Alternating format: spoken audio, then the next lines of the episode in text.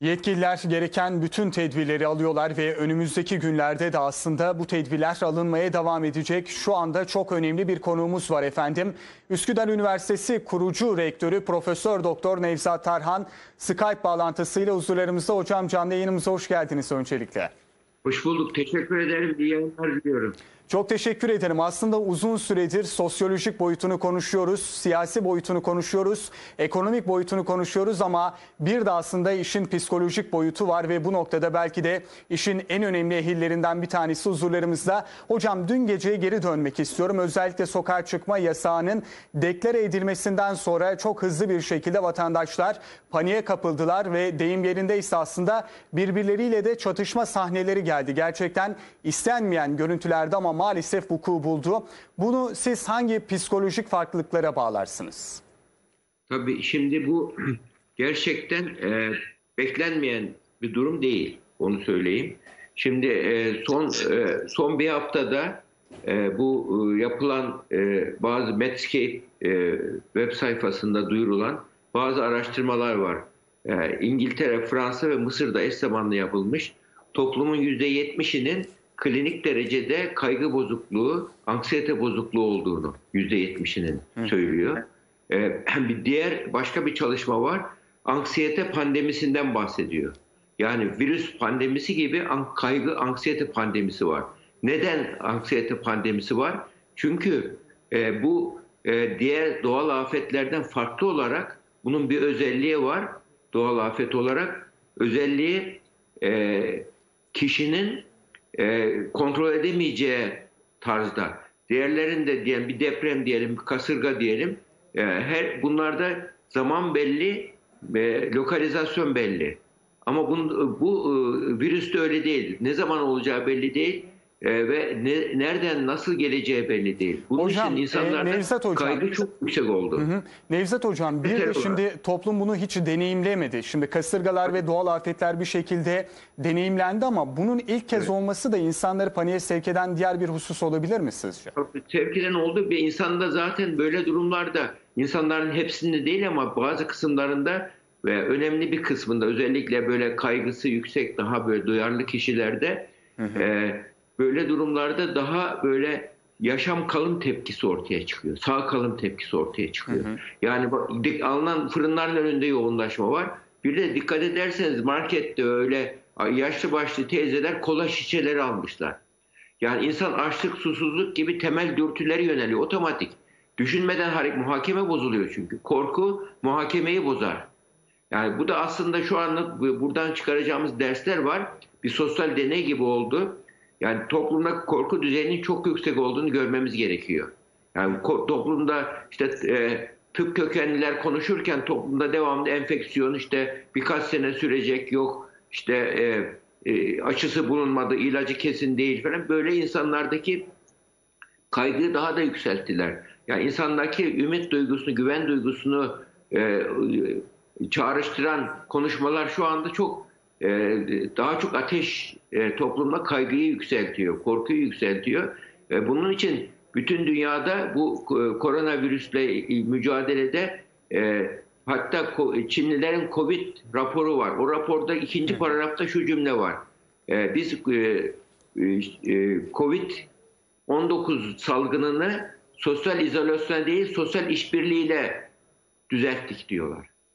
Sosyal işbirliği. Peki sosyal mesafe var, sosyal izolasyon var. Nasıl sosyal işbirliği olacak? İşte bu işbirliği yapılabilir. Aile içerisinde işbirliği olacak. İnsanlar böyle durumlarda mesela oradaki ben dün akşam hani e, e, bazı planlamalar yapılmıştı. Tesadüfen yapılmamış büyük ihtimalle ama mesela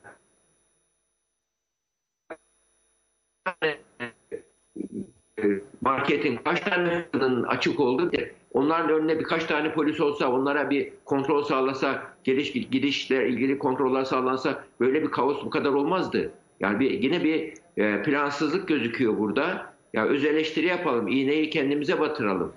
E, bu, bu böyle durumlarda bu, bunu e, bu şimdi şu anda aslında e, e, kurşunu bacağımıza sıktık gibi oldu. Şimdi 100 tane korona pozitif kişi çıktıysa piyasaya o akşam o 10 gün sonra 1600 tane kişiye bulaştı demektir. Yani 10 gün sonra 1600 tane pozitif vakamız oldu. Yani bu nedenle böyle böyle kararlar verirken psikolojik dinamikleri de göz önüne almak gerekiyor. Yani buradan çıkarılacak ders o. İnşallah e, korktuğumuz başımıza gelmez ama yani bu, e, bu e, multidisipliner bir mücadeledir bu. Sadece enfeksiyon hastalıklar uzmanlarının görüşüyle olmaz. Halk sağlıkçıların görüşü de gerekiyor. Sosyal bilimcilerin e, psikoloji O- e, kökenlilerin de görüşü gerekiyor. Nevzat Hocam. mücadele. Hı hı, Nevzat Hocam şimdi bilim kurulunda da psikiyatristlerin ve psikologların olması gerektiği söyleniliyor.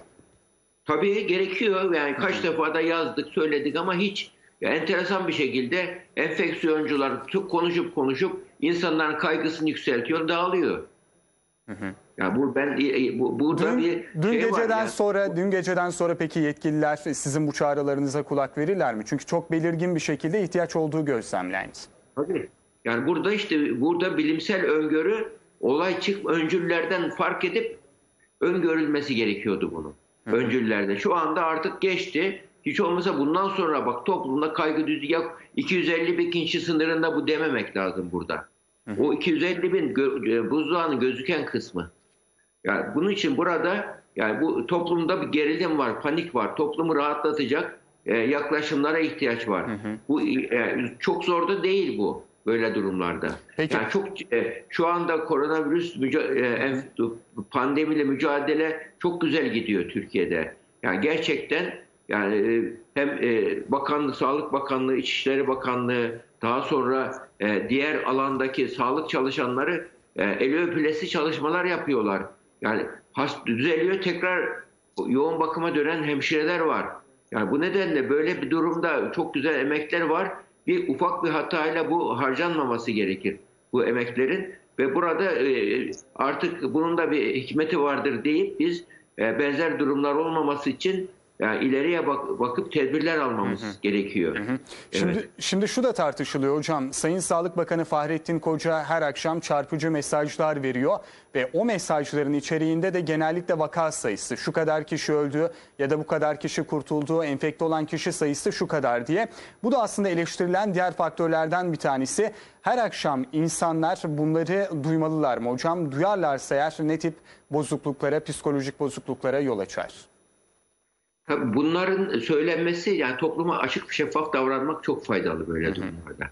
Yani açık şeffaflığın faydası var ama e, burada e, açık şeffaflığı anlatırken yanında olumlu seçenekleri de söylemek lazım. Yani söylemeye çalışılıyor. Yani şu anda yani dünyadaki örneklerle kıyaslandığımız zaman Türkiye iyi durumda.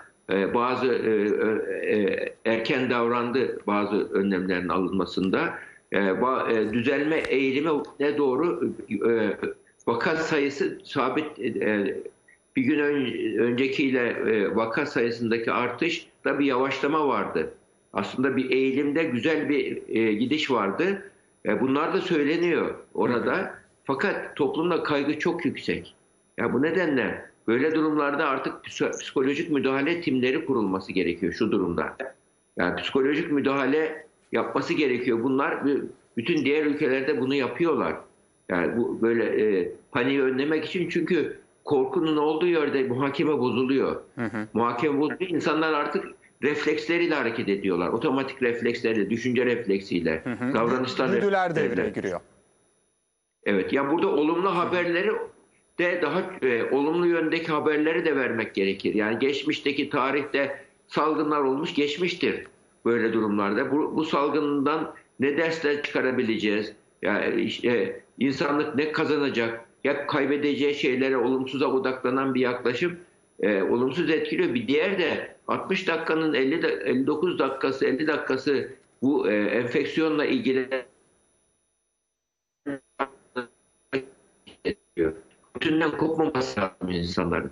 Rutinden kopmaması gerekiyor. E, rutinden kopmadan bazı işlerle meşgul olabilmesi, o yönden aktivite örnekleri, hatta çocuklar için çıkarılmış e, e, oyunlar var. Covid günlerinde oynanabilecek böyle sanal oyunlar var. E, sanal toplantılar yapılıyor. Yani zaten işte üniversitelerde, okullarda derslerin devam etmesi burada rutinden kopmamanın güzel örneklerinden birisi. Peki. Yani bu, bunu, bunları yapabilmek ama aşırı zihinsel uğraş dediğimiz ve devamlı bu konuyu düşünme tarzındaki yaklaşım e, e, zarar veriyor. Yani de, bunu işte e, yaşanan olayın dediğim gibi e, e, büyük fotoğrafını insanlara anlatabilmek, açık, şeffaf ve hesap verebilir e, olmak gerekiyor. Yapılan hatalar varsa o hataları da kabul etmek şu anda güven uyandırır. Peki. Hiç hatasızız biz gibi demek güvene insanların güvenini olumsuz etkiliyor. Peki. Onu da söyleyeyim. Peki. Yani süreçte Profesör- hatalar olabilir çünkü. Evet. Peki. Profesör Doktor Nevzat Tarhan hocam aktardıklarınız için çok teşekkür ediyorum. Rica ederiz estağfurullah iyi yayınlar.